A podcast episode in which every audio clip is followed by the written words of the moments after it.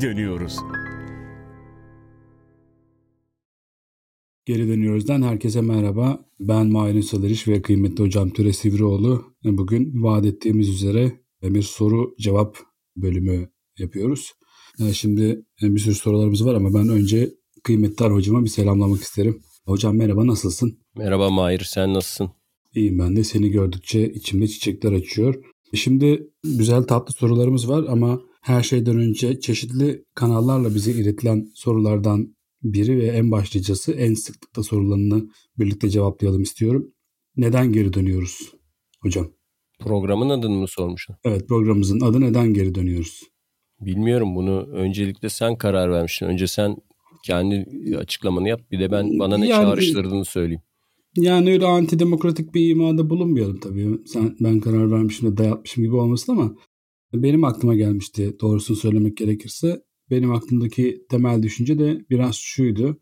Ee, hem geriye döndüğümüz, geçmişe baktığımız bir şey olsun. Hem sahalara geri döndüğümüz bir çalışma olsun. Ben daha çok sahalara geri dönüyoruz de, olarak yorumlamıştım zaten.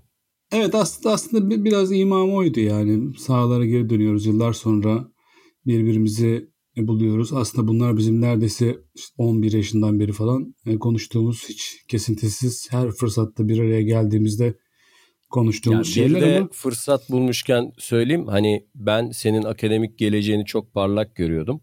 O birleştirilmiş doktora programını kazandığında Türkiye'nin en kaliteli üniversitelerinden birinde. Ama sen işte bütün bunları yarıda bırakarak kendini edebiyata vakfettiğin için yıllar sonra senin tekrar arkeoloji tarih alanına geri dönmen olarak yorumladım da diyebilirim içimde. Hocam aslına bakarsan yani itiraf ediyor gibi olayım biraz. isabet etmişim diye düşünüyorum. Çünkü ben şimdi çoktan KYK'lı olurdum zaten. Beni çoktan kapı önüne koyarlardı. Ondan sonra şimdi bana kaybolan yıllarımı verseler diye ağlardım. Hiç olmazsa erken erken kaybettim o yılları ama yine de seninle e, bu programı yapmak, sana bu soruları e, sorabilecek kadar en azından konudan haberdar olmak bana yetiyor. Bundan iyisi Şam'da kayısı. Geri dönüyoruzun, geri dönüyoruz olmasının benim için bir diğer anlamı da şu. Biz biraz e, eski Türkiye insanıyız. Sen de ben de. Bu programla birlikte yani bu düşünce akışı, takip ettiğimiz düşünce akışıyla birlikte sanki böyle bir yeniden geri dönmüşüz ve yeniden eski Türkiye'deymişiz yanılsaması böyle bir illüzyon yarattığımızı düşünüyorum. Ne bileyim işte çizgi romanlar konuşuyoruz. İşte eski mizah dergilerini konuşuyoruz tarih öğretmenimizi konuşuyoruz falan hani böyle yeniden eski Türkiye'deymişiz gibi hissediyorum. O yüzden bir geri dönüyoruz duygusu da oradan sarmalıyor beni. Bu soruyu da cevaplamış olalım. Senin söylemek istediğin şey var mı ayrıca?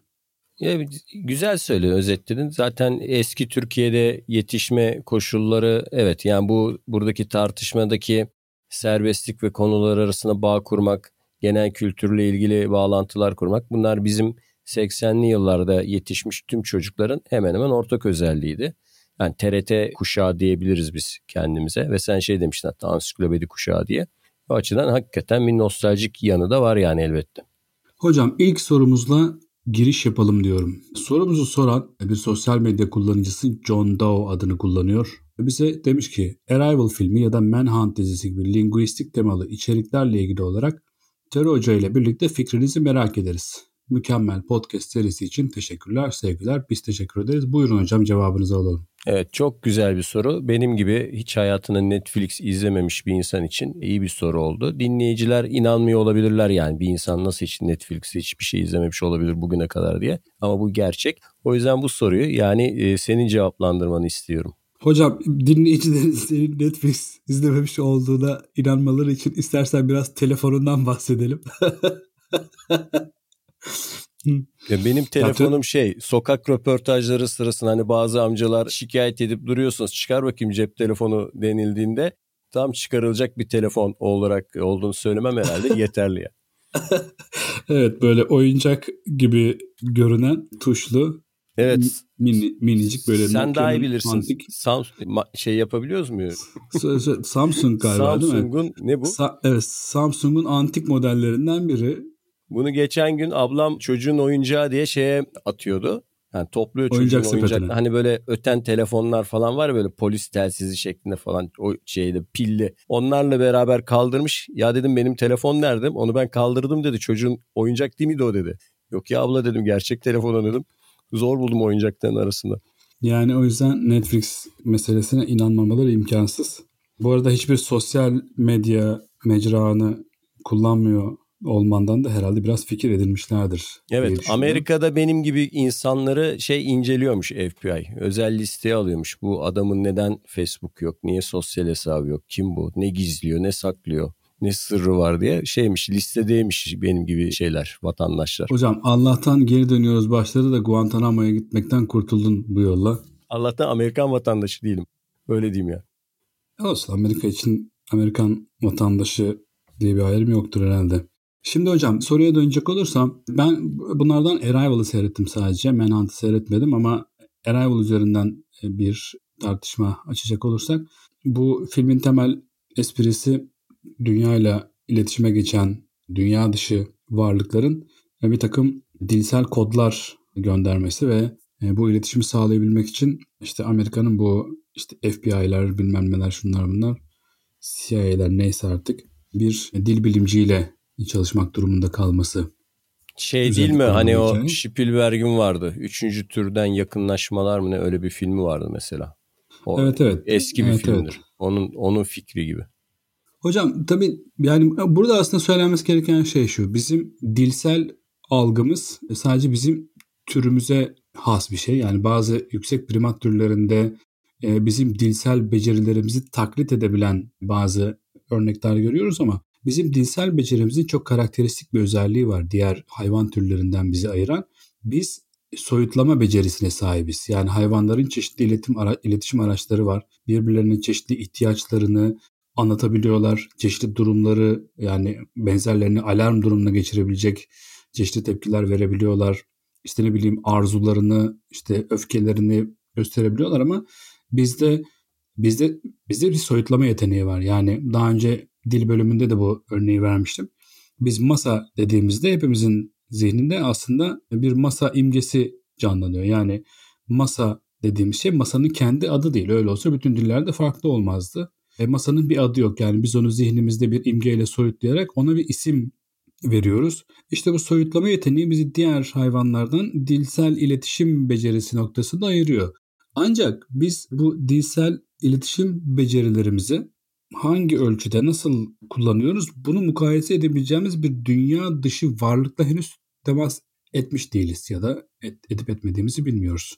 Dolayısıyla da yani onların dilsel algısı nasıl yani dilleri nasıl paradigmalar üzerine kurulu, nasıl dilsel e, kod dizgeleri içeriyor bunları kestirmek çok zor. Çünkü yani dil dediğimiz şey işte bugün kelimelerle, gramerle birbirimize hani meramımızı anlattığımız ve birbirimizi anlamaya çalıştığımız e, bu sesli kodlardan ibaret değil. Örneğin dünyanın neresine gidersek gidelim tuvaletin kadın tuvaleti mi erkek tuvaleti mi olduğunu anlıyoruz. Çünkü bir, bir simge oluyor ve o simge bize bir şeyler anlatıyor. Evet, Bunların hepsinin... Evet. İran, İran hariç orada yok. İnatla Neden? koymuyorlar o simgeleri ve sıkışan insanlar, Farsça bilmeyen insanlar için bayağı zorluk oluşturuyor yani. Hocam içeriden çıkanı bekleyeceksin mecbur. Dolayısıyla dilsel kodlar sadece bu konuştuklarımızdan ibaret değiller. Örneğin işte e, bugün bilgisayarda yazılımda kullanılan bir sürü e, kod dizgeleri var ve bunlara da bilgisayar dilleri, yazılım dilleri deniyor. Dolayısıyla da yani karşılaşana kadar bunu bilmeyeceğiz. Yani eğer başka bir dünya dışı varlıkla karşılaşırsak ve onlar bize işte bir takım dilsel kodlar gönderirlerse bunu nasıl değerlendireceğimizi o gün düşüneceğiz herhalde. Şimdi biz tabii fizik ya da astrofizik bu tür şeyleri hakim insanlar değiliz ama benim şöyle bir naçizane kendi düşüncem var. Belki bir hayal kırıklığına yol açabilir bu ama ben evrende akıllı bir canlı varsa yani bize denk ya da bizden daha iyi hemen hemen bizim gibi olduklarını düşünüyorum. Çünkü yani belli kanunlar var yaşamın oluşması için belli koşullar var. El, mesela elinin olması lazım. Gözlerinin hani üç boyutlu görebilmek için primatlarda ve kedilerde olduğu gibi yüzün ön tarafında olması lazım. Konuşabiliyorsa hançeresinin bizim gibi biraz geride olması lazım. Ama sen bizim gibi bir medeniyetin olması için gereken şartları yani Ama ben gene aşağı yukarı bir yerlerde şey varsa akıllı yaratıklar, varlıklar varsa onların gene az çok fizyonomik olarak bize benzediklerini düşünüyorum. Yani yarın bir gün bir uzay gemisinde buraya işte şey gelirse bir yabancı Uygarlık işte ne demiştik dünya dışı varlıklar mı? Hı hı. Yani geldiklerinde gene az çok bize benzeyen bir canlının geleceğini düşünüyorum. Yani böyle çok farklı bir sistemde bir canlı olacaklarını pek ya antropolojik olarak bilgim beni böyle düşünmeye zorluyor. Hani bazen böyle fantastik şeyler oluyor ya bizim gibi olmak zorunda değiller. Metan soluyabilirler. işte saydam olabilirler falan. Onlar bana pek inandırıcı gelmiyor. Aşağı yukarı bizim gibi olacaklardır diye düşünüyorum. Ya bu sadece bir varsayım tabii ki. Hocam yani, zaten biliyorsun kutsal kitaplarda hep Tanrı insanı kendi suretinde yarattı diyor. Ya Eğer bu hep aynı hep aynı tarzda yaratıyorsa sinemanın hoşlanacağı bir fikir değil bu ama şey hatırlıyor musun bizim çocukluğumuzda ziyaretçiler dizisi vardı hani bu kadar evet, geçmişten evet. bahsederken. Şu fare yiyenler. Tabii canım şey diye geliyorlardı ya bunlar insana benziyor o şekilde geliyorlardı. İnsanları korkutmamak için birkaç bölüm sonra gerçek ortaya çıkıyordu ve benim çocukluğumda herhalde o en korkunç böyle nevrotik sahnelerden biridir o uzaylının yüzünü yırtan Donovan'dı galiba şey karakter. Alttan kertenkele gibi bir şey çıkıyordu. Ki 80'li yılların hani teknolojisine göre de fena değildi o dizi. O kadının fareyi bütün halde yutmu sahne falan. Bizim çocukluğumuzun çocukluğumuzu mahveden tabii, tabii, travmaları arasındadır yap, yani. Yapımların başında gelir yani. Ya bir de şeyin bir de ben... reklamını gördüm. Geçen o geldi aklıma. Bir, bir travma şeyde Remi'yi hatırlıyor musun? Remi. Filmini yapmışlar şimdi de o sokak çalgıcısı Remi. Onun gibi o da ziyaretçilerde bir travma kaynağıdır yani çocukluk açısı. Bir de ben Clementine'den çok Evet o da o da çok ürkücü. Travmatize işte olmuştum o, hocam. O dönemlerde böyle rütükler falan olmadığı için yani bunu çocuk mu evet. izliyor, büyük mü izliyor, çocuk bunu izleyebilir mi? Pek bunları düşünmemişler. Ya iyi ki de düşünmemişler. Şeyden haberimiz oldu yani. Dünyada neler oluyor, neler bitiyor yani. Nasıl manyaklar olabileceğimiz konusunda önceden bir fragman görmüş olduk. Hocam herhalde dilimiz döndüğünce cevap verdik diye düşünüyorum. Yani bu arada nazik sözleriniz için de teşekkür etmiş olalım size. Ee, şimdi bir diğer soru Murat Yerden'den geliyor. Ben Murat Yerden'i tanıyorum hocam. Murat Yerden bir klasik kemençe yapımcısı, bir lüthiye kendisi. Ben de naçizane klasik kemençe yapımına hevesdar olduğum için genellikle ustalardan haberdarım. Sağ olsun o da bizim programımızı dinleyen çok harika bir insan. Yani bizim programımızı dinlediği için değil zaten harika bir insan. Bir de üstüne programımızı dinliyor yani. O bir soru sormuş hocam. Demiş ki bira şarap bahsinizde HMR kökünden türeyen ve kırmızı manasına gelen hamr kelimesinin şarap olduğunu söylemiştiniz. Hamur kelimesi de bir mayalanma durumu olduğundan. Burada manalı mıdır? Kafalar karıştı. Hamr, hamir pardon, hamir biri böyle mayalanmış olan, diğeri de ahmar, kırmızı. Şimdi bu soruya cevap vermek ister misin ben mi vereyim hocam? Yo, sen daha iyi anlatırsın diye düşünüyorum bu Arapçadaki. Aynı H'lerle mi yazılıyor onlar? Aynı H'lerle yazılmıyor hocam. Hı. Zaten e, Murat Hoca'nın da herhalde aklını karıştıran şey bu olmuş. E, farklı yazılıyor. Biri e, H ile biri H ile yazılmış. Şöyle ki hocam burada ikisi de aslında aynı kökten geliyor. İkisi Süryanice bir kökten geliyor. Yine HMR kökü Süryanice'deki kök. Ve Süryanice'de bu şey, bu kök kabarıp kızarmak anlamına geliyor. Yani işte meyvelerin olgunlaşması gibi, e, bir şeyin büyüyüp semirmesi, işte kan toplaması, kızarması falan filan gibi büyüyüp semirmek, kabarmak anlamına geliyor. Hatta e, kabarmak demişken başka bir şey daha, bir örnek daha vereyim. Biraz çirkin bir örnek ama e, Türkçe'de de kabarmak e, biliyorsun şişmek demektir aslında. Yani aynen bu hamurdaki gibi e, bir şey mayalandığı zaman ona kabardı deriz. E, fakat bu kabarmanın çeşitli varyasyonları var. Bunlardan biri de gebermek biliyorsun. Bunu konuşmuştuk ee, sanki bir ara. Öyle geldi. Evet. Evet evet şey ölünce hmm. e, şişip Sen şey demiştin hatta e, gebe kadınların da Gebe tabii gebe kadınlar için de şey. Buradaki durumda tam buna benzer hocam. E, buradaki hamrdaki yani hem kırmızı hem e, hamur anlamına gelen HMR kökü aslında Süryanice'den hatta daha da geriye gidecek olursak e, Aramcadan, Arami'den e, geliyor ve e, şeyde e, Arapçada Arapça çok geniş bir coğrafyaya yayılmış bir dil. O yüzden e, biraz şeye uğramış, e, değişime uğramış. Biri H ile biri H ile yazılan iki tane e, kök ortaya çıkmış ama ikisi aslında şeyde Süryanice'de aynı kökten geliyorlar. Ya Arapçanın böyle e, sihirli yanları var canım. Mesela bir programda mumyalardan bahsetmiştik. Yani mumya kelimesi de aslında Arapça. Yani Batı dillerine de geçmiş mami olarak. Ee, yanlış hatırlamıyorsam zift e, anlamında bir kelimeden geliyor. Çünkü ziftle mumyaladıklarını düşünüyorlar. Mesela e, mum sözcüğünün de yani bununla aynı kökten geldiği iddia ediliyor. Öyle mum ve o ziftleme anlamındaki şey bal hmm. mumu kullanıyoruz ya mesela. Bal Acaba mumu. para, parafin falan anlamına geliyor olabilir mi hocam? Yani işte o yöreden yöreye yayılırken kelimenin bu anlam kaymalarına uğraması falan nedeniyle bazen tesadüf eseri şey de olabiliyor. Anlam kaymaları da olabiliyor. Yani o üç farklı H harfini, üç işte farklı Z harflerini falan bilmek gerekiyor. O da şeye yol açabiliyor yani. O harfleri e, noktalara bakılmazsa yanlış şeyler ortaya çıkabiliyor. Gerçi benim bildiğim kadarıyla mum Farsça ama. Öyle mi? Evet. Hatta eski Farsçadan Farsça yani. Ee, bir diğer soru Efe Tatlıcı'dan.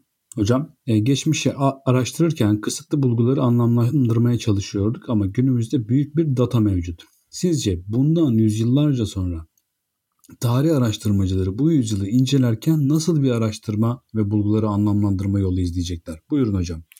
Şimdi burada zorlanacaklar çünkü tarih araştırmacılığının birinci aşaması çok sıkıcı olarak e, belge toplama aşamasıdır. Yani o dönemde ne yazılmış ne çizilmiş hepsini toplamak gerekir. Sonra bunlar tasnif edilir. Bunlar sınavlarda soru olarak da soruyor işte tarih, tarihçi önce ne yapar, ikinci aşamada ne yapar. Yani ortaçağ kaynaklarına fazla yazılı belge olmadığı için toplanması tabii daha kolay ama bundan 500 yıl sonra 600 yıl sonra yani bizim yaşadığımız dönemi incelemek isteyen bir tarihçinin gerçekten işi çok zor olacak. Çünkü eğer kaybolmazsa yani bir teknolojik çöküş sonucunda falan bunlar bir kısmı tabii büyük kısmı yok olabilir. Bizim internette yaptığımız şeyler sonsuza kadar dolaşacakmış gibi geliyor insanlara ama öyle değil ve hatırladığım kadarıyla İngiltere'de papürüse falan yazıyorlarmış bazı belgeleri hala. Hani ne olur ne olmaz diye yarın büyük bir teknolojik çöküş sonucunda hani bunları kaybedersek en dayanıklı malzemelere, kağıtlara hala yazılıyor diye biliyorum o papürüsleri. O yüzden hani 500-600 yıl sonra yaşayacak bir tarihçinin işi çok zor. İnanılmaz derecede bir bilgi kirliliği içinden çıkmak zorunda kalacak. Tasnif etmekte zorlanacak. Neyin tarihi olduğunu, neyin önemli olduğunu, neyin önemsiz olduğunu ayırt edemeyecek. Yani bugün mesela Türkiye'de gündem diye önümüze konulan şeylere baktığımızda bunların 100 yıl sonra hangisi önemli olacak ki? Yani bugün modern insanın en büyük zaten içine düştüğü krizlerden biri de bu. Yani gün içerisinde o kadar gereksiz uyarıcılar ve bilgilerle e, uğraşmak zorunda kalıyor ki onların içinde hangisinin kalıcı olduğunu, olacağını, ona ne faydası olacağını yani geleceğe hangisinin kalacağını arada seçmesi bile çoğu zaman mümkün olmuyor yani. Böyle bir fırsatı olmuyor bile. Hocam teşekkür ederim. Tatmin edici bir cevap oldu benim açımdan. Umarım dinleyicimizi de tatmin eder. Şimdi bir kim bilir mahlaslı bir kullanıcı, yani internet kullanıcısı, sosyal medya kullanıcısı bir soru sormuş. Bence hoş bir soru. Astrolojinin isminde neden loji var? Kahin denilen şahısların savaş kültür tarihindeki etkileri nelerdir merak ediyorum. Evet yani logos bilgi demek değil mi Yunanca'da? Evet. Hocam ben kendi naçiz bilgimle bu durumu şöyle açıklamak isterim eğer müsaade edersen. Hocam şimdi astroloji ve astronomi sözcükleri aslında yakın zamana kadar yani modern zamanlara kadar birbirinin yerine kullanılıyordu.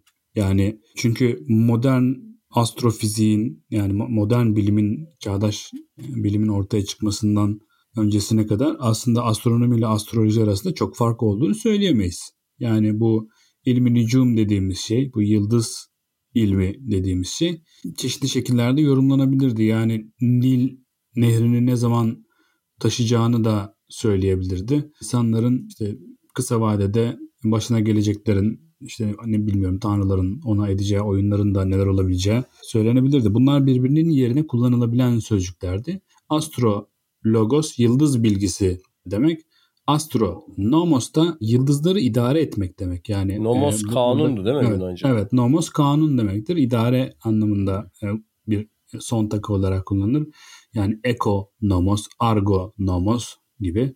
Ve modern bilimin doğuşuyla yani astrofizik denen şeyin astrolojik bilginin sadece yıldızların belli bir daire çerçevesinde tekrar eden hareketlerinin birbirlerine yarattığı zaviyelerin incelenmesinden daha karmaşık bir şey olduğu ortaya çıkınca e, bu ayrım da ortaya çıkmış oldu. Aslında astroloji ve astronomi birbirinin yerine kullanılan kelimelerdi modern astronomi biliminin oluşmasına kadar. Ama e, sorunun ikinci kısmı için sana dönüyorum. Kahin denilen şahısları savaş tarihi ya da kültür tarihindeki etkileri nelerdir? Yani, yani gerçekten bu... de bize anlatılan gibi böyle ya işte falanca hükümdarın kahini demiş ki o çıkma şeye sefere ölürsün bilmem ne olur falan filan. Bu kadar gerçekten etkili miydi? Bunlar sadece efsanelerde mi var?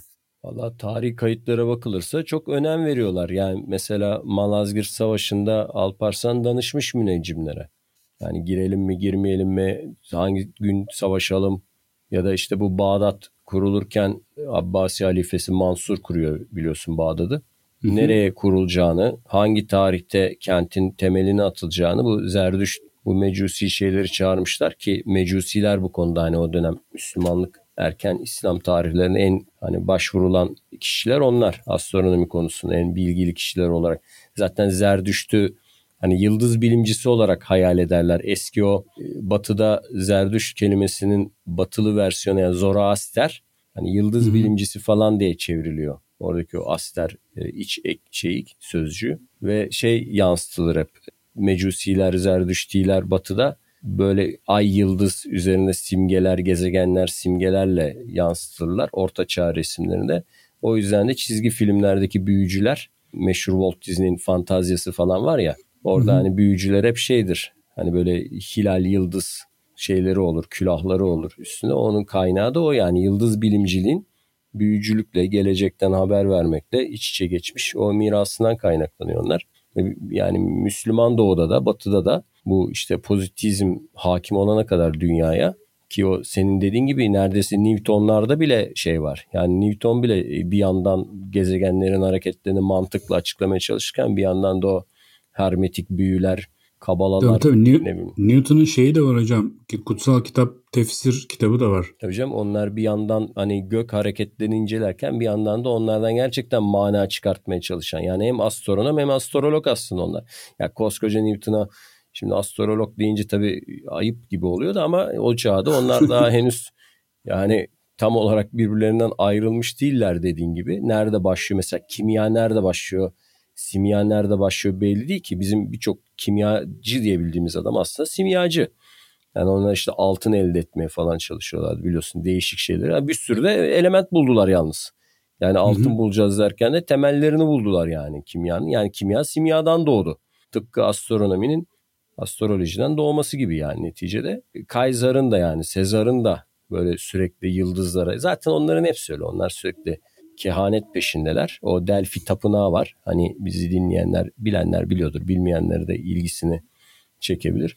E, Antik Yunan'da da yani o Delphi kehanet tapınağına gidip hani sürekli gelecekten e, bilgi almaya çalışırlar. Bu yüzden de çoğunun hayatı mahvolur. Çünkü geleceği öğrenmek iyi bir şey değildir aslında. Yani antik kültürde geleceği görmek iyi bir şey değildir. Geleceği gördüğünüz zaman sadece kendinizi daha büyük tehlikeler atmış olursunuz. Hatta başınıza gelmeyecek olaylar da başınıza hakikaten gelmeye başlar yani. Geleceği görmek bir lanettir.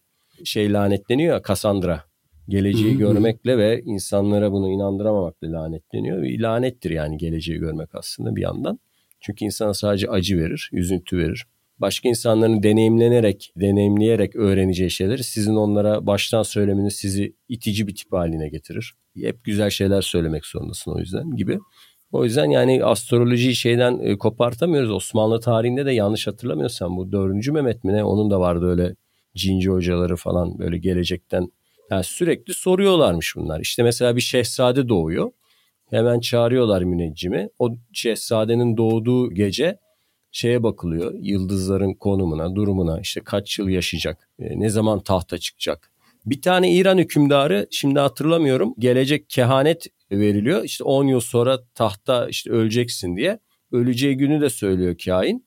O gün başka birini tahta çıkarıyorlar. O gün için. Hani 23 Nisan'da çocukları şey yapıyorlar ya başbakan Hı-hı. yapıyorlar. O gün o kehanetin ya olacağı gün şeyi çıkarıyorlar. Alakasız birini tahta çıkartıyorlar. O lanetin uğursuz günün tahta şeyde geçmemesi için yani hükümdar tahtayken geçmemesi için. Gene bu Şahname'de mesela şeyin var Rüstem'in rüyaları vardır. Hani Araplar İran'ı ge- gelecek alacak yıldızlar söylüyor bunu. İşte Hı-hı. İran mahvolacak işte barbarlar İran'a hakim olacak falan filan diye neyse bayağı orada ağır cümleler var onlara girmeyelim. Yani antik insan ortaçağ insanı yeni dönemlere kadar böyle sürekli yıldızlara bakarak anlam çıkarmış. Yani hükümdarlar Hocam, da böyle. kutsal kutsal kitaplardaki yani peygamber ya da işte çeşitli nebi denilen isimlerin de kainlikleri var. Yani örneğin Musa'nın kardeşi Harun hatta Yahudilikte o Aaron'a Cohen diye geçer. Kain yani. kelimesi adı, onu adı, soracaktım adı, sana. Adı, Kain adı, ve Cohen yani. kelimeleri şey değil mi? Evet evet. evet, evet aynı, aynı kelime. Aynı, aynı kelime. Aynı kelime. Keza şey var Yusuf biliyorsun bu iftiraya uğradıktan sonra işte zindana atılıyor. Zindanda senelerce kalıyor ve orada bir rüyayı yorumlamak üzere. Çünkü o zindanda işte birilerinin rüyalarını yorumluyor falan.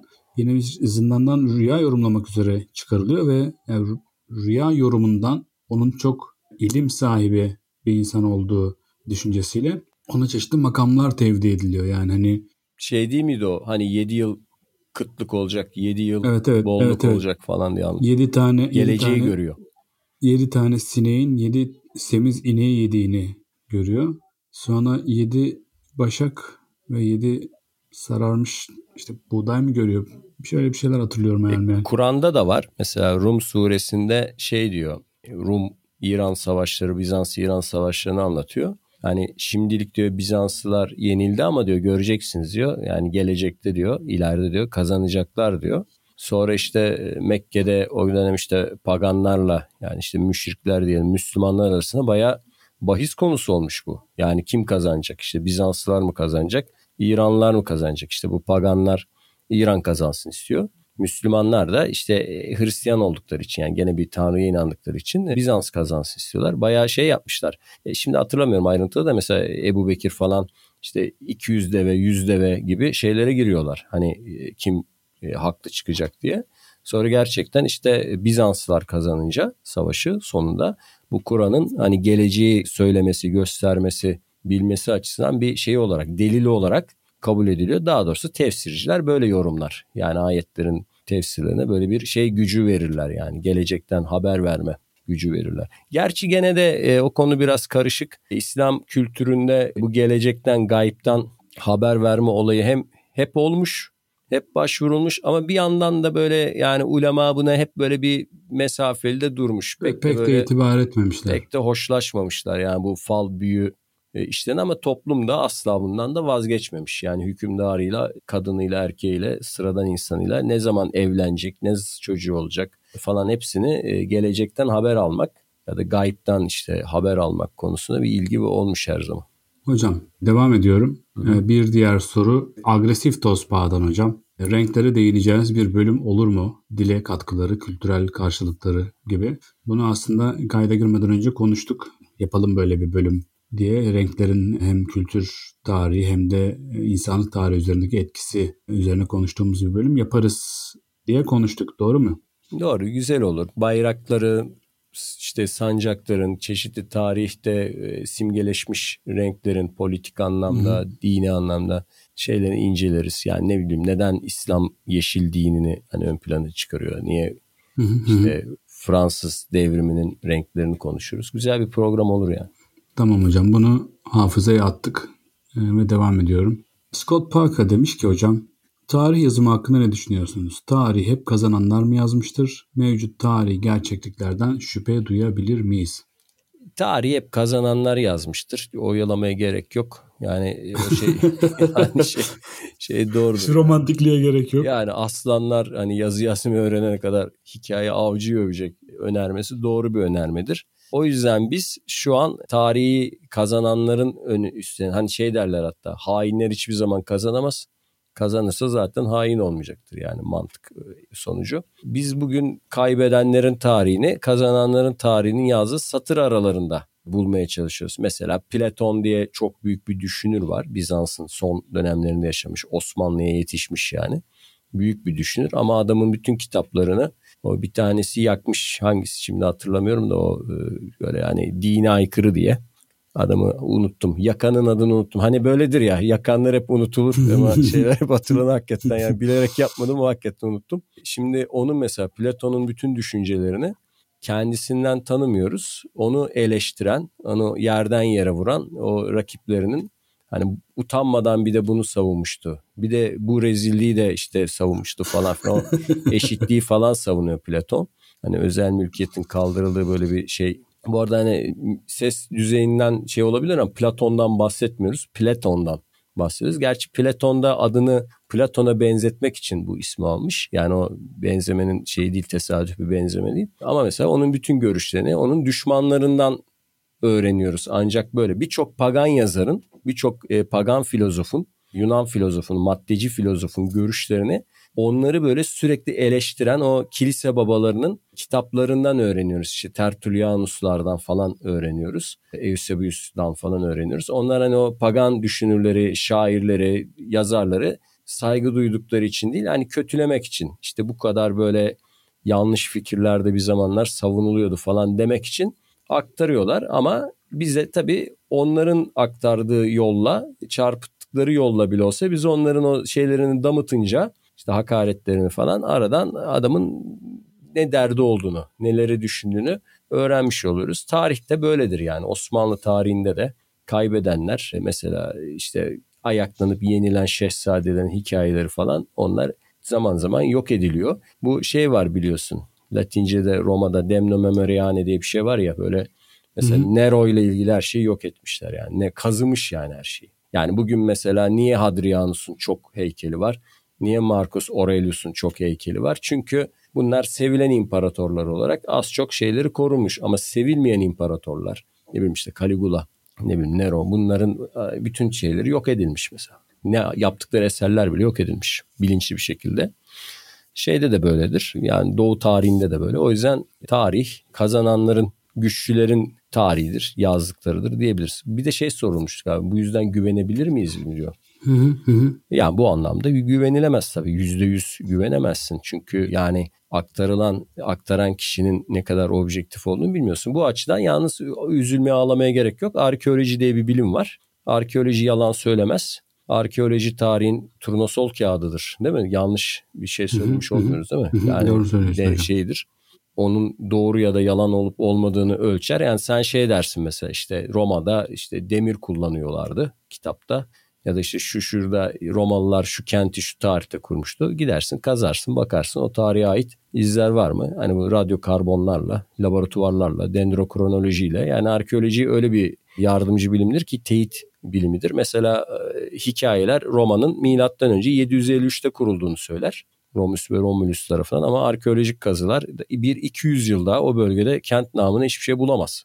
O kadar eski değildir mesela Roma. O yüzden hani tarihi belgelerin her zaman doğruyu söylememesi bizi çok da şey ilgilendirmez. Ona yardımcı bilimler devreye girer ve tarihi belgelerin ne söyleyip ne söylemediğini tamamlayıcı bir şekilde kullanılır diyelim. Hocam sabrın çiçeklerini açtığı yerde asla kapanmaz yaşanan defter diyor biliyorsun Adnan Yücel. Çünkü tarihin en güzel yerinde son sözü hep direnenler söyler. Şimdi güzel bir soru daha var. Alfabenin sırasına kim nasıl karar verdi? Valla bu güzel bir soru. Bence şöyle karar verildi. Yaşamın yaşamın kaynakları en önemli olan nesnelerden başlayarak buna karar verildi. Çünkü alfabenin ilk harfi A, boğaydı. Değil mi? Boğa ya da öküz diyelim. Hani onun hadım edilmiş haliyle. Yani tarımın temeliydi boğa ve öküz. Fenike toplumu için, yakın doğu toplumu için en değerli hayvandı. Çünkü bunlar yani sığır yetiştiren toplumlar. Küçük baş hayvanlar o kadar önemli değil. Büyük başlar önemliydi. O yüzden bir harften başlanacaksa yani ilk ses olarak alef demek o dillerde boğa. Onun kafasını yani bir boğa başını yani A harfini ters çevirdiğimiz zaman bir şematik bir boğa kafasıyla karşılaşırız. Bu ilk akla gelen harf buydu. Neden? Çünkü insanın insanın çıkardığı ilk seslerden biri A sesi tabii yani onu da kabul Tabii o da var. Yani bir tabii en belirgin ses bebeklerde falan A sesi ama simge olarak da hani o en değerli hayvanını koymuş. Yani ben şu örneği verirdim derslerde. Türkler alfabenin mucidi olsaydı at şeklinde bir A harfi yaparlardı. Yani Türkler için boğaymış, öküzmüş bunlar değil yani at olurdu simgeleri. Fakat Fenike toplumunda boğa oldu. İkinci harf işte beta, beit, bet. Ev şekli, ev şeklinden türemiş. Ya bir insanın zaten hayatının en önemli ne olabilir? İşte yani sahip olduğu hayvanlar, tarlasını sürdüğü hayvan, ardından yaşadığı yer. O yüzden hani onu simgeleştirdi. Bence o harflerin dizilimindeki şey simgesel önem yaşamda hani ekonomik olarak, Hı-hı. sosyal olarak önem verdiği şeye göre diziliyor diye düşünüyorum. Üçüncüsü de Gimel'dir biliyorsun. Deve Gimel de deve demektir. Gamel, deve Gemel, deve demektir. Tabii o da yani o da yaşam için çünkü onlar aynı zamanda süt kaynağıdır da. Yani evet. şimdi tabii çöl bozkır şeylerde yaşamda bunlar giyecek kaynağı, süt kaynağı, tezek kaynağı yani yaşamın temel şeyleri bunlar, dürtüleri bunlar. Ama Orta Asya'da ortaya çıksaydı yani bu tür buna benzer bir şey ya da Kuzey Avrupa'da ortaya çıkan işte farklı öncelikler devreye girecekti. Fenike'ye bakmak lazım yani. Fenike kültüründe yakın doğuda neler önemli? Yani orada deve olması tabii ki ondan kaynaklanıyor. Hocam ben de kendimce şöyle bir yorum getirmek isterim. Bugün kullandığımız evrensel olarak kullandığımız Latin alfabesinin ya da onun bir önceki nesil temsili Yunan alfabesinin, onun bir önceki nesli Fenike alfabesinin bir Samilerin yani Semitik toplulukların yazı yazma alışkanlıklarından geldiğini biliyoruz. Yani o Kenan yazısının zamanda Fenike yazısına dönüşmesi, onun sesli harfler eklenerek Yunan yazısına dönüşmesi, onun biraz daha Latinceye uydurularak Latin alfabesine dönüştürülmesi ve buradan geliştirilen diğer başka yazılar biliyorsun ki şu anda kullanılan harf yazılarının neredeyse tamamına yakını bu Kenan Fenike yazısından türemiş yazılardır. Buna Arap alfabesi, efendime söyleyeyim İbrani alfabesi, Süryani alfabesi dahil olmak üzere. E, ve bu Fenike yazısının eşittir Sami yazısının e, bir diğer özelliği daha var. Bu yazılarda rakamlar yok. E, harfler aynı zamanda rakam olarak kullanılıyorlar. Harflerin birer rakam değerleri var. Alfabedeki bu harflerin dizilişi eski yazı okumayı bilenler aşina olacaklardır. Bir eski harfleri ezberlemek için aynı zamanda bu ebced öğrenmek isteyenler için bir şey öğretirler. Ebced, hüvves, hutti, kelemen, sefes, kereşet, dazuilen diye. E bu dazuilen bu şeye sonradan eklenmiş. Fakat şey evrenseldir yani İbranice'de de, Süryanice'de de, Arapça'da da Ebced, Huves, Hutti, Kelemen, Sefes, Kereşet. Bunlar bu Sami alfabelerindeki harflerin sırasını ezberlemek için uydurulmuş şeyler. Bunların eski kral ya da krallık isimleri olduğu yolunda böyle bir takım efsaneler de e, dile getirilir. Ama aslında Ebced, Heves, Hutti, Kelemen, Sefes, Kereşet diye sadece Elif, B, T, S, Cim, Ha, Hı hepsi e bunlar bir bir sıraya girerler. Şey gibi canım hani çift Haseki paşalar öğretilir ya. Hani evet evet evet evet fıstıkçı şahap gibi tabii. Onun... E, bunun gibi bir ezber kalıbı bu. Alfabedeki harflerin sırası değil bu tam olarak ama alfabedeki harflerin rakam değerlerinin sırasıdır. Yani Ebced Huvez diye devam ettiğiniz zaman E1, B2, C3, D4, H5, V6 gibi böyle rakamsal karşılıkları vardır hepsinin. Alfabedeki harfleri sıralamasını aslında ortaya koyan şey bu Ebced Hüves formülüdür. Sonra bir takım harflerin yerleri harflerin biçimlerine göre değişmiş. Normalde kereşet diye en sonda yer alan T harfi biçim benzerliği nedeniyle B'den sonra T'nin B'den sonra S ile B arasına alınmış. Biçim olarak harfleri yan yana sıralamışlar Arap alfabesinde. Ama bu Ebced Hüves düzeni e, hala bazı alfabelerde yaşıyor. Örneğin Rus alfabesinde A, B, V, G, D diye devam eder. Şey bizde V mesela en sondaki harflerden biridir. Yani bu işin sıralamasındaki temel espri aslında bu harflerin aynı zamanda rakam değerlerinin olmasıdır. Bu vesileyle ben de bir şikayetimi de dile getireyim. Türk eğitim sistemiyle ilgili. Şimdi benim çocuk okula gidiyor. O iş ilkokula başladığı zaman 3-4 sene önce eve geldi. Bir baktım ki ilk öğrendiği harf E harfi. Ben bir şaşırdım ya bir eski Türkiye doğumlu yetişme tarzı bir insan olarak. Allah e ve L öğrettiler ilk evet, önce. E ve L'yi öğrettiler. Ve benim gibi Ali Atabak cümlesiyle okumayı öğrenen bir gene eski Türkiye vatandaşı olarak benim çocuğun ilk öğrendiği cümleyi gördüğünde daha el ele. Ela ile la ile el ele. Ela ile la ile aile. İlk öğrendi iki cümle buydu. Neden acaba ilk E harfini öğretiyorlar sonra da L harfini öğretiyorlar diye hakikaten merak içindeyim. Hani sana da sormak istiyorum ama neyse uzun sürecek bunun cevabı diye düşünüyorum. O yüzden kısa kesmeyi tercih ediyorum. Hocam, Ama şunu e, söyleyelim. Yani Türkçenin, e, Elif mi zannediyorlar acaba? Ya işte bir Türkçenin temel sesi A olduğu halde ki biliyorsun yani aslında Türkçe'de E sesi yok zaten.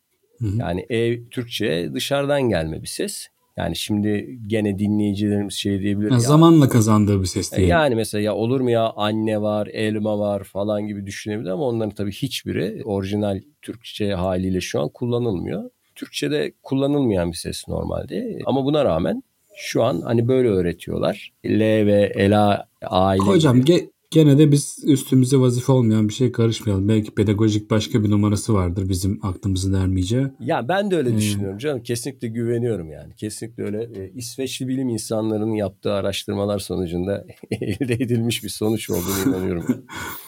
Hocam soruyla devam ediyorum sen bizi tutuklatmadan. Türkiye'de Pax Romana soruyor soran. Pax Romana 27 hatta. Türkiye'de tüm buluntular neden yabancı arkeologlar tarafından keşfedilmiş? Hadi onu geçtim. 2022 yılında bile Sagalassos'ta Belçikalı akademisyenler çalışıyor. Bunca üniversite arkeoloji ve sanat tarihi bölümü siz hayırdır diyor yani. Yani bu tabii hayırdır derken hani bu insanlar da çalışmak Yok hayırdır ben ekledim şeyde yoktu. tamam güzel.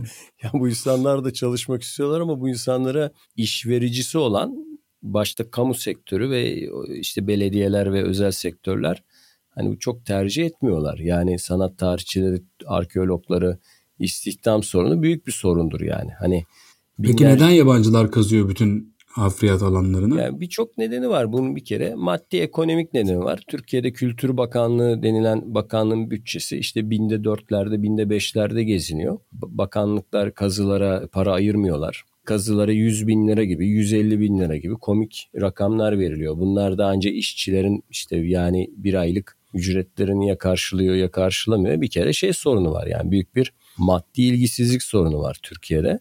İstihdam sorunu var. Yani arkeologlar işe alınmıyorlar. Sanat tarihçileri istihdam edilmiyorlar. Yılda 15-20 arkeolog falan ataması yapılıyor ortalama. Yani çok komik sayılarda müzelerin bir kısmı işte sen daha iyi biliyorsun içinde yıllarca çalıştın. Boş duruyor kapalı duruyor. Depolarda çalışma izni almak çok zor oluyor zaten. Hani kazı izni almak da zor. Bakanlık kazı izni verirken çok zorluyor yani. Hani güvenlik gerekçeleri vesaire. Hocam bizim benim çalıştığım benim çalıştığım müzeye hocam e, bakanlık düşük ziyaret istatistikleri sebebiyle ücretsiz hale getirmişti. Fakat o kadar hiç kimse gelmiyordu ki sadece hafta sonları e, Bitişik'teki ziraat bahçesine piknik yapmaya gelen ailelerin çocuklarını şişe tutmaya getiriyorlardı müzenin tuvaletine. Evet. O ben, Neyse sen cevap cevabı daha fazla uzatma. Yani şimdi birinci sebebi arkeoloji olan merakın batıda doğması. Şöyle daha şey cevap veremez o ayrıntılı. Yani doğu toplumlarının işte Osmanlı'da bunlara önem vermemesi. Yani doğu milletleri için eski eserler şiir, şair konusudur, edebiyat konusudur. İşte diyor ya örümcek mekan tutmuş Kisra'nın sarayını baykuş nöbet tutuyor Efresyab'ın kulesinde, kubbesinde falan. Ha böyle şairlerin hani böyle iyi hoş zamanlar geçirmek için gittikleri, ziyaret ettikleri, hüzünlendikleri, dünyanın gelip geçeceğini ağladıkları yerlerdir. Bir de taş kaynağı. Bir de hocam bizde mezardır, terekedir bunlar falan uğursuz kabul edilen şeylerdir ya. Tabii baykuş Değil zaten şeydir yani hani Atina'da bilgeliğin semboldür ama bizim kültürümüzde baykuş şeyin semboldür yani. Yıkık dökük yerleri kendine mesken tutan kötücül bir şey semboldür yani. Uğursuzluk semboldür, yıkım semboldür yani. Bir ülkenin bir zenginliğin ortadan kalkmasının semboldür. Pek sevmezler o yüzden baykuşu. Neyse. Mezar kazmak falan da uygunsuz kabul edilen bir şeydir yani bizim geleneğimizde. Lanetli evet şey kabul evet. edilir. De şey kızılır böyle şey rahatsız, ölüleri rahatsız etmek gibi de meraksızlık da var tabii. Eski yazıları hani kimse mesela merak etmemiş yani bin sene boyunca o hieroglifler ne anlatıyor. İstanbul'da Sultanahmet Meydanı herkes görüyordu ama bir kişi bile dönüp de ne yazıyor acaba burada düşünmüş. Yani genel bir ilgisizlik de var. Bu ilgi batıda başlıyor tabii Rönesans'la. Yani o bir batı adam, bir beyaz adam hastalığı o yani arkeoloji. Yani bu eski kültürler kimmiş, neymiş, her gittikleri yerde bunu merak etme. Bizde böyle bir geçmişe dönük böyle bir merak olduğunu, bir kültürel olarak bunun yerleştiğini iddia edemeyiz. O yüzden zaten Osmanlılar Avrupa'dan gelen arkeologlara çok fazla olanak verdiler. Şöyle de bir bilgi verelim. O dönem yapılan bütün antlaşmalarda arkeolojik kazılara ve kaçırmalara da izin veriyordu götürmeleri Osmanlı Devleti. Mesela demir yol mu yapacak Fransızlar bize? Britanyalılar neyse adam şey diyordu biri bu demir yolunu yaparım ama demir yolun geçtiği yerdeki arkeolojik sit alanları bulursam da götürürüm heykelle falan. E işte bizim padişahlar da iyi olur diyordu yani sorun değil. Taş Osman çok... Hamdi Bey'e kadar da bu durum böyle devam evet, etti değil mi? Tabii. Osman Hamdi Bey'in bu Asar Atika Kanunu'nu yani, kaleme alması ve yürürlüğe sokulması konusunda ısrarı neticesinde eski eserlerimizi koruyan bir kanunumuz olmuş oldu. Hala da yürürlükte olan 2863 sayılı kanun şeyden Osman Hamdi Bey'in yazdığı kanundan devam eden bir kanundur. Ya bu işte bir tek erken cumhuriyet dönemi yani bu Atatürk döneminde muazzam bir ilgi vardı arkeolojiye. Çok büyük bir devlet desteği vardı. Kazılara açılan yeni bölümler o Hititolojiler şunlar bunlar. Yani Avrupa'dan getirilen hocalar vesaire onlar şeyi yetiştirdiler. İyi bir aslında arkeolog kuşağı yetişti. Yani Halet Çambel gibi, Akurgallar falan gibi düzgün bir kuşak da yetişti. Ama sonra gelen hükümetler bu desteği gene kestiler yani. Mesela Ankara'nın işte Hitit güneşi simgesini gidip o değiştirdiler. Yani bu bir ilgisizlik göstergesidir yani. 4000 yıllık bir bölge sembolü orada dursaydı. Yani bu sorunun cevabı çok yönlü olarak cevaplandırılabilir. Yani tarihe, kültüre, farklı geçmişe, ilgisizlik, maddiyatsızlık ya da önceliklerin başka alanlara bırakılması nedeniyle Batılılar gelip bu işlerle ilgileniyorlar. Onlar daha meraklı ve bütün dünyada da böyle yani sadece bize mahsus bir şey değil bu yani Mısır'da falan da bütün ciddi kazıları. Ben bir şey daha anlatayım bununla ilgili. Ben Özbekistan'a gittim bir ara. Bir 15-20 gün kaldım. Çok değil ama orada da müzeleri gezdik. Bütün müzelerde hepsinde bak istisnasız Ruslar çalışıyordu. Müze müdürü Rus'tu, müdür yardımcısı Rus'tu, işte o kreatör Rus'tu, oradaki sanat tarihi öğrencileri yetiştirilen gönüllü çalışanlar, derleyenler, toparlayanlar, kayda geçirenler hepsi Rus'tu. Ya şey dedik yani neden dedik hiç şey yok. Yani Özbek yok yani. E gelmiyorlar dedi. İş ilanı açıyoruz dedi. Sadece Ruslar başvuruyor dedi. Sadece Ruslar çalışıyor müzelerde. Yani bu böyle yani. Ve şöyle söyleyeyim. Özbekistan tarihiyle ilgili mesela kitaplar aradım. Yoktu yani. E, hepsi en son, Rusça değil mi? hepsi Rusçaydı ve hep büyük bölümü Sovyet dönemi. Yani bu Pugashenkova Hı-hı. falan var o büyük onların arkeologları. Yeni hiçbir şey yapılmamış. Yani 30 yıldır bağımsızlar düzgün bir Özbekistanlı Özbek akademisyenlerin o Sovyet ve Rus geleneğini aşan yani görsel olarak bilgi birikim olarak bir arkeoloji şeyleri falan yok ya hala yok. Bu da hani bir neden böyle diye ben de şey olarak sorayım yani bizi dinleyen herkese genel olarak sormuş olayım yani bu neden böyle oldu? Hocam yarını sızlattığımız bir soru oldu o yüzden seni cevaptan çekip koparmak mümkün olmadı. E, fakat hızlı bir şekilde bitirelim bütün soruları elimizden geldiğince diye devam etmek durumundayım. Adastra 116 kullanıcı adlı arkadaşımız sormuş. Bir psikolog olarak antropoloji ve arkeoloji çok ilgimi çekiyor. Psikolojiye ve konulara beraber değinen kitap önerileriniz var mıdır? Evrimsel psikoloji konusunda önerebileceğiniz kitaplar var mıdır? demiş. Var mıdır hocam? Valla Freud'dan başlanabilir. Yani işte Freud'un dinin kökenleri diye o işte sonra Karl Abraham'ın o Güneş Kral'ın analizi. Yani Freud okulu benim bildiğim kadarıyla bu işi arkeolojiyle birleştirmeye çalışan yani sürekli o Mısır'da yapılan, Fenike'de yapılan kazıları sürekli inceleyip bir Akhenaton kitabı vardı hocam Freud'un yanlış mı hatırlıyorum? Freud'un Musa ve tek tanrıcılık, Musa ve tek tanrıcılık diye bir büyük uzun bir derlemesi var ve çok eleştirilmiş bundan dolayı. Çünkü orada Musa'nın Akhenaton'un rahibi olduğunu iddia ediyor. Yani bir Mısırlı olduğunu. Musa'nın Mısırlı olduğuna dair çok kanıt çok da. Çünkü Musa adı bile gerçi sen daha iyi bilirsin o İbranice'den evet, o evet. eski evet, Mısır hocam. diliyle açıklanıyor. Zaten Mısır sarayında e, büyüyor şey olarak hikaye olarak falan neyse. Yani ondan dolayı da çok tenkit edilmiş Freud ama bence çok mantıklı bir şey yapmış Freud. Hayali bir hikayenin şeyini yeryüzüne indirmiş. Evet, yani e, o denizler ikiye ayrılıyor şunlar bunlar gibi hani böyle artık o çağda biraz tevatür sınıfına girmek üzere olan ve tümden reddedilmek aşamasına varmış. Yani Herakles gibi tamamen bir mitolojiye dönmek üzere olan o kutsal kitap anlatısını acaba gerçekten ne olabilir? Bunun arkasındaki somut olay ne olabilir diye şeye somutlamaya çalışmış ve Mısır'dan kovuluşu da hani bu tek tanrılı inancın hı hı. kültün yıkılmasıyla açıklayarak büyük bir bence şey getirmiş. Ara formül getirmiş. Bence iyi yapmış yani kendi açısından o gelenek açısından. Yani böyle başlayabilir ama ben onun pek devamının gelmediğini düşünüyorum. Yani arkeolojiyle psikolojinin aslında çok yakın çalışması gerekiyor. Ki galiba böyle bir soru daha vardı. Yani evet hocam. psikolojiyle ilgili. Evet o yüzden hocam, kısa keselim ve e, çok bildiğim bir alan olmamakla birlikte yani klasiklerden Freud'la başlanabilir diye düşünüyorum. Freud arkeoloji en ilgili olan kuruculardan biriydi. Aslında Jung'u da belki ekleyebiliriz ama neyse soru cevabı daha fazla uzatmamak için şeye girmiyorum. Ataberk hocam soruyu soran. iki tane soru sormuş. Hızlıca cevap verelim. Birincisi değerli hocalarım merhabalar demiş. Estağfurullah diyelim. Birkaç sorum olacak. Bir buluntuyu değerli kılan özellikler nelerdir? Bugünün en moda ayakkabısını gömsem bu kaç zaman sonra ve hangi durumlarda müzelik bir buluntu olarak kabul edilebilir? Demiş. Birinci sorusu bu. Yani güzel bir soru. Politik cevabı var. Mesela Urartu seramiği diye bir seramik türü vardır kırmızı perdahlı pırıl pırıldır. Bütün müzelerde sergilenir. Sanırsınız ki Urartular hepsi zengin, hepsi böyle kalite işler yapıyor, incecik, böyle cidarlı falan. Halbuki ben hocama sormuştum. Bunların bulunma oranı ne demiştim? O da yüzde iki falan demişti. Yani yüzde 98'i işte bildiğimiz mutfaklarda kullanılan kapkaçak yani hiçbir albenisi olmayan şey. E onları ne yapıyoruz hocam dedim. E onları depoya kaldırıyoruz. Ne yapalım onları? Yani şimdi müzeye giden adam şeyi görüyor. Yani o kültürün, toplumun, romanın, Hitit'in neyse en zengin aristokrat insanların ürünlerini görüyor ve tabii hayran kalıyor ve şey sanıyor yani antik çağda herkes ne kadar hani zevkliymiş, zenginmiş. Osmanlı eserleri gibi yani. Şimdi Osmanlı'da cami ziyaret ediyorsun yani Sultanahmet'i ziyaret ediyorsun. O imparatorluğun zaten göz bebeği bir yapı. Ama gidip de kaç köyde Osmanlı'da yapılmış cami geziyorsun ki? Kim var yani onlara bakan?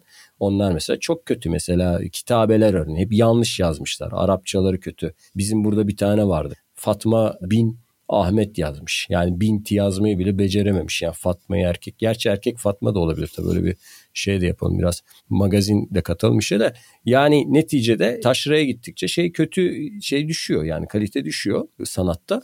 Ama şey seçersen yani müzelere güzellerini seçtiğin için insanlar da antik uygarlıklarla ilgili farklı bir olumlu yani yanlış bir olumlu düşünceye sahip oluyorlar. O yüzden bu sorunun cevabı politik seçeneklere göre, tercihlere göre değişebiliyor neyin sergileneceği, neyin değerli olduğu. Çok uzun right. bir cevabı var. O yüzden kısa kesmek evet, zorundayız. Evet, evet, yani çok anladım. uzun bir cevabı anladım. var. Güzel bir soru ama. Ama ama ama bugünün en son moda ayakkabısını gömerse herhalde bu geleceğin müzecileri için sevindirici bir haber olur ama şu, kötü e, bir haber var. O da şu ayakkabılar genellikle organik malzemelerden yapıldığı için çürüyorlar. E, çürüyorlar. Şu cevabı verebilirim. Bu çok güzel bir soru olduğu için uzatmama izin ver. Sanat tarihi ile arkeoloji arasında temel bir fark vardır. Sanat tarihi buluntuda estetik arar. Estetik olanı kayırır. Güzel olanı ayırır. Biraz üzerine uğraşılmış olanı bir yere koyar. Arkeoloji estetik kaygı gütmez yani kırık bir domuz kemiği, yenmiş bir domuz kemiği ile bir altın vazo arkeolog için eşit olabilir. Hatta domuz kemiği yani yenmiş ve çöp olarak daha çok fikir verebilir. Daha değerli olabilir. Çünkü o insanlar domuzu evcilleştirdi mi, avlıyor muydu, ne nasıl buna dair bir fikir verebilir. O yüzden hani son çok pahalı bir ayakkabı değersiz olabilir arkeolog için. Ama bir çarık daha değerli olabilir. Ama sanat tarihçisi bundan 500 yıl sonra şey arayacaktır. Yani e, evet şey yapımı bir kalite bir ayakkabıya daha çok önem verecektir diye özetleyebilirim. Hocam Ataberk'in ikinci sorusu diyelim ki inanılmaz büyük bir savaş yaşandı. İnsanlıkla alakalı her şey silindi ve mağaralara döndük. On binlerce yıl sonra kazı yapan insanlar günümüzün ideolojilerini yansıtan bina, heykel ve yazıt gibi eserlerini mitoloji olarak mı yorumlayacaklar? Diyor.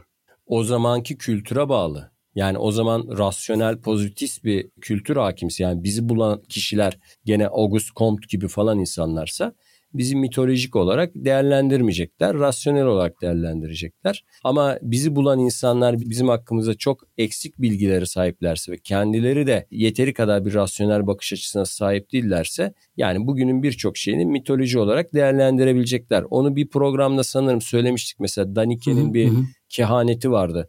Yani bir arkeolog 20. yüzyılda hani Rusya'yı, Doğu Avrupa'yı, eski Sovyet bloğunda kazılar yapsa o kadar çok Lenin, Marx, işte Stalin heykeli görecektir ki hani bunları bir panteon olarak falan düşünebilir diyordu. Yani eski Yunan tanrıları gibi sanabilir. Ama bu ancak çok eksik bilgi ulaşırsa geleceğe. Hakikaten her şey yok olursa ve bizi bulan insanlar da ya bundan 5000 sene önce insanlar nereden bilimsel bir ideoloji kuracaklar? Bunlar olsa olsa tanrıdır diye bize ön yargılı yaklaşırlarsa bu olur. Biz de bunu yapıyoruz. Mesela Yeni Gine'de, Polinezya'da inceleme yapan antropologlar, o Marcel Mauss falan bu insanların çok dindar olduklarını düşünüyorlardı. İşte yağmur yağıyor, tanrılara inanıyorlar, ateş yağın işte dua falan sanıyorlardı. Sonraki antropolog kuşakları onların o kadar sanıldığı kadar dindar olmadıklarını, büyüye çok inanmadıklarını, yani her toplumda olduğu kadar işte böyle ne bileyim kiminin yaşlı kadınların büyü yaptığını ama gençlerin o kadar genç şey ilgilenmediğini falan keşfettiler. O açıdan da hani bu biraz ön yargı ile ilgili bir konu. Hocam teşekkür ediyorum. Fatih Gökçan'ın iki sorusu var. Ee, birincisi Atatürk'ün de savunduğu Türkleri sarı ırktan olmadığı yönündeki düşünce ve görüşleriniz nelerdir demiş. Ya bu biyolojik bir açıklama. Türkler sarı ırk değil tabii ki. Çünkü e, Türkler melez bir ırk yani. O Orta Asya'daki Türkler çekik gözleriyle uzak doğullara benziyorlar. Düz saçları ve az sakallı olmalı. Bu arada Orta Asya'daki eski Türklerden bahsediyoruz. Yoksa Akdeniz'e inmiş evet, burada Türk kimliği kazanmış. içine Yeniçeriler karışmış. içine işte Frigyalılar karışmış. Mitaniler karışmış. Bizden bahsetmiyoruz. Yani bizde bir artık Türk tipi diye bir şey yok. Yani biz İrani, Kafkas, Rumeli işte falan filanın karma karışık hale gelmiş bir. Biz Akdeniz'de bir... Yani biz Akdeniz Türkleri başka bir şeyiz yani o biyolojik olarak. Yüzde yedi mine çıkıyor Orta Asya genleri Anadolu'da. O da böyle hani bazı e, Muğla'nın, Denizli'nin tahtacı köyleri falan var. Oralarda yükseliyor gibi. Şimdi o Orta Asya'dakiler ise hani belli bir uzak Asya şey Koreliler gibi özellikler gösteriyorlar. Ama bu tam sarı ırk özellikleri de göstermiyorlar. Yani o yüzden çünkü melezler. Aslında Ruslar da melezdir. Yani Rusların sarışın ama çekik gözlüdürler. Çıkık elmacık yanaklıdırlar. Onlar da melez bir halktır. Onun gibi düşünebiliriz yani. Bu melez bir toplu. Oradan sarı ırk denilemez. Hocam ikinci sorusu programı programınızın hazırlama aşamalarından bahseder misiniz demiş. İstersen bunu ben bahsedeyim hocam. Onu ben de birkaç şey ekleyeyim yalnız sen bahset. tamam. Programımızın hazırlanma aşamaları genellikle şöyle oluyor. Daha önceden bahsetmiştim. Biz programları her hafta kaydetmiyoruz aslında bir programcılık hilesi yaparak. Her gün kaydediyoruz çoğunlukla. Sonra birkaç hafta birbirimizi hiç görmüyoruz. O arada birbirimize işte mesajlar, mailler atıyoruz. Şunu da konuşalım, bunu da konuşalım falan. Şunu da konuşalım, bunu da konuşalım dediklerimizin %10'unu falan konuşuyoruz genellikle. Çünkü müşterek konularda buluşmak her zaman mümkün olmuyor. Ama çoğunlukla programa girmeden 1-2 dakika önce ne konuşacağımıza karar vermiş oluyoruz. Yani öyle önceden işte bir takım hazırlıklar yapıp işte böyle bir program dahilinde işte ayın dördünde şunu konuşacağız, beşinde bunu konuşacağız deyip hazırlanıp gelmiyoruz. Açıkçası bir program hazırlığımız yok denebilir. Ya ben de şöyle söyleyeyim bir ön hazırlık falan yapılmıyor. Not falan da almıyoruz. Hafızadan zaten bu yüzden de bunu açıklamayı uzun zamandır istiyorum. Bazen doğaçlama konuştuğumuz ve herhangi bir düzeltme falan da yapmadığımız için yani bu tabii halini bozmadığımız için yanlış hatırladığımız, yanlış aktardığımız şeyler de oluyor. Mesela ben bir programda şeyden bahsediyordum. Elazığ'da gezdiğim bir yerden bahsediyordum. Örneğin Oruç Baba demişim. Aslında Arap Baba olacak. Sonradan dinleyince fark ettim ben de. Ondan sonra yanlış söylemişim. Ya da ne bileyim Bartolome Diaz'ın İtalyan kökenli olabileceğini söylemiştim. Çünkü o dönem birçok İtalyan aile oraya buraya göç edip İspanyol Portekiz krallarının hizmetine göre yok. Adam e, has ve has Portekizliymiş mesela gibi. Yani böyle şeyler oluyor. O yüzden Hocam doğaçlama... ben de e, henüz yayınlanmamış bölümlerimizden birinde yani ülke adları ile ilgili bölümlerimizden birinde Arap Cumhuriyeti adını taşıyan sadece Suriye ve Lib- Libya var hmm. demiştim.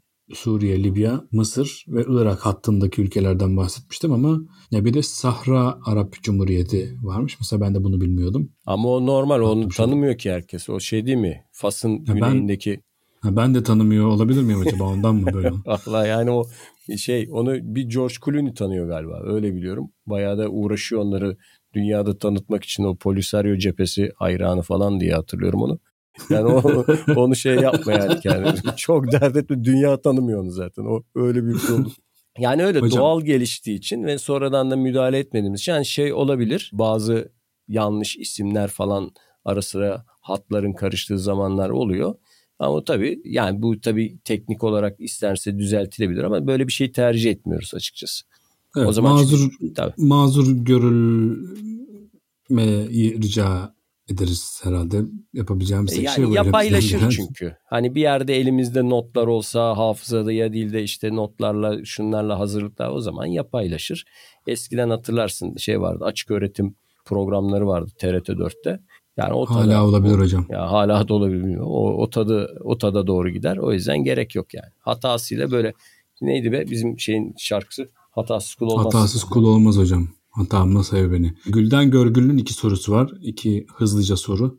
Geri döndüğünüz her bir konu başlığında sizi geçmiş gelecek arasında en şaşırtan konu neydi? Diye hocam neydi hocam seni en çok şaşırtan? Bizim işlediğimiz konular içinde mi? Evet evet hocam. Yani böyle bir önceliğim açıkçası hiç düşünmedim. Yani bunların hepsini heyecanla konuştum ve beni en çok şaşırtan bazen sen bazı Arapça ve İbranice, Süryanice kelimeler arasındaki bağları söylüyorsun. O beni şaşırttı. Bir de gene yayınlanmamış bölümlerden biri galiba. Bir Latince ile ilgili bir cumhuriyet sözcüğüyle ilgili anlattıkları onlar mesela ilginç geldi, şaşırttı diyebilirim. Hocam beni de en çok coğrafi keşifler bölümünde kaşiflerin karaya ayak bastıktan sonra yerlilere don giydirmesi şaşırdı.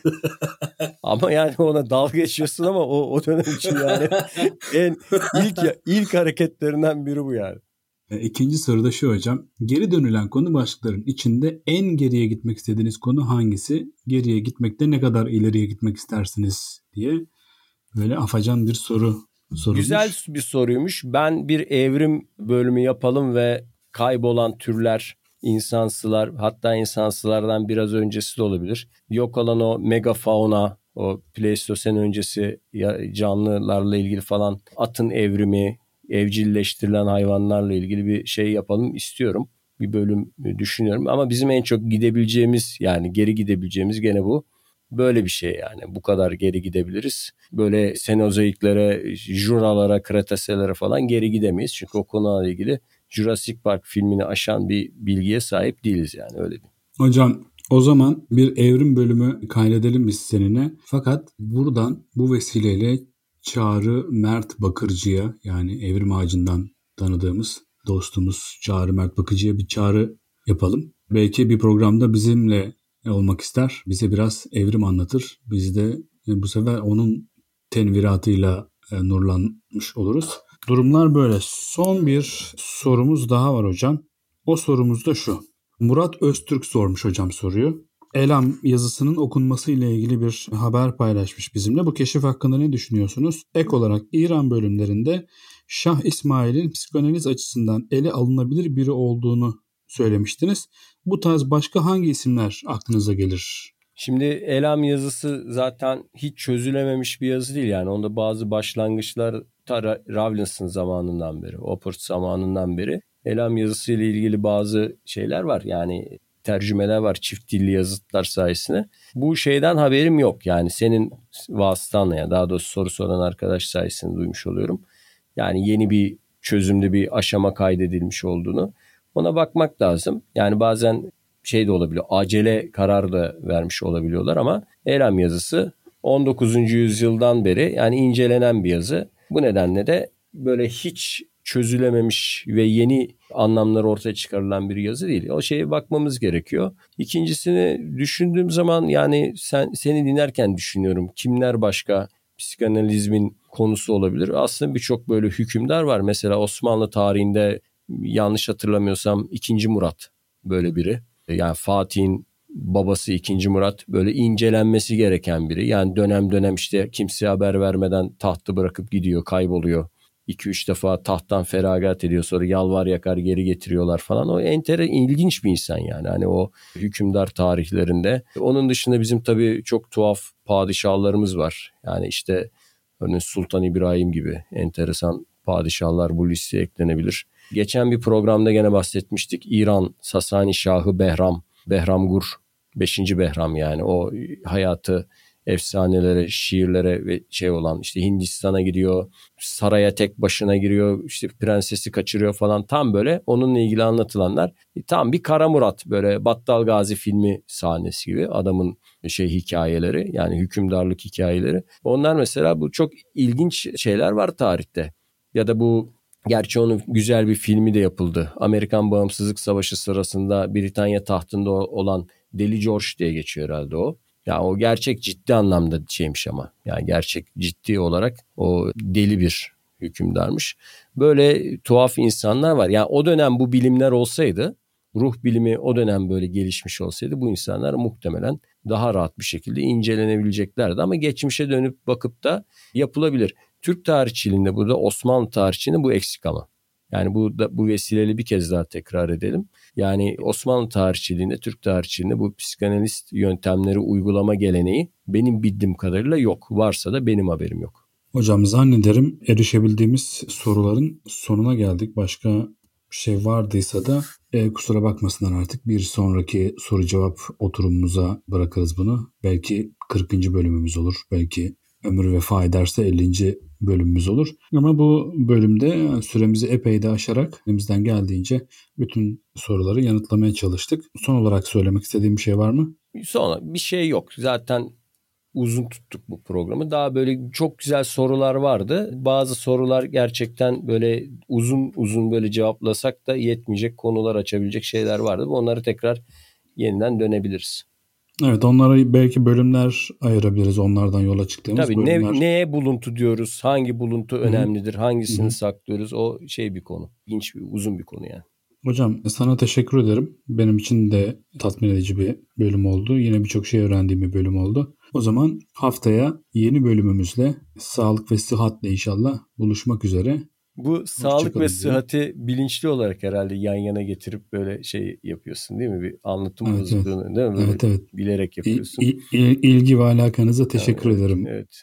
Hı? Yani Babali Sağlık. yüksek kapısından fürur edip geçerken Yekbir adlı süvariye tesadüfen rast geldiğimde bir şiir vardı. O geldi aklıma. Bununla kapatayım ben de programı. Tamamdır. Haftaya görüşmek üzere. Hepiniz hoşçakalın. Sevgiler, selamlar.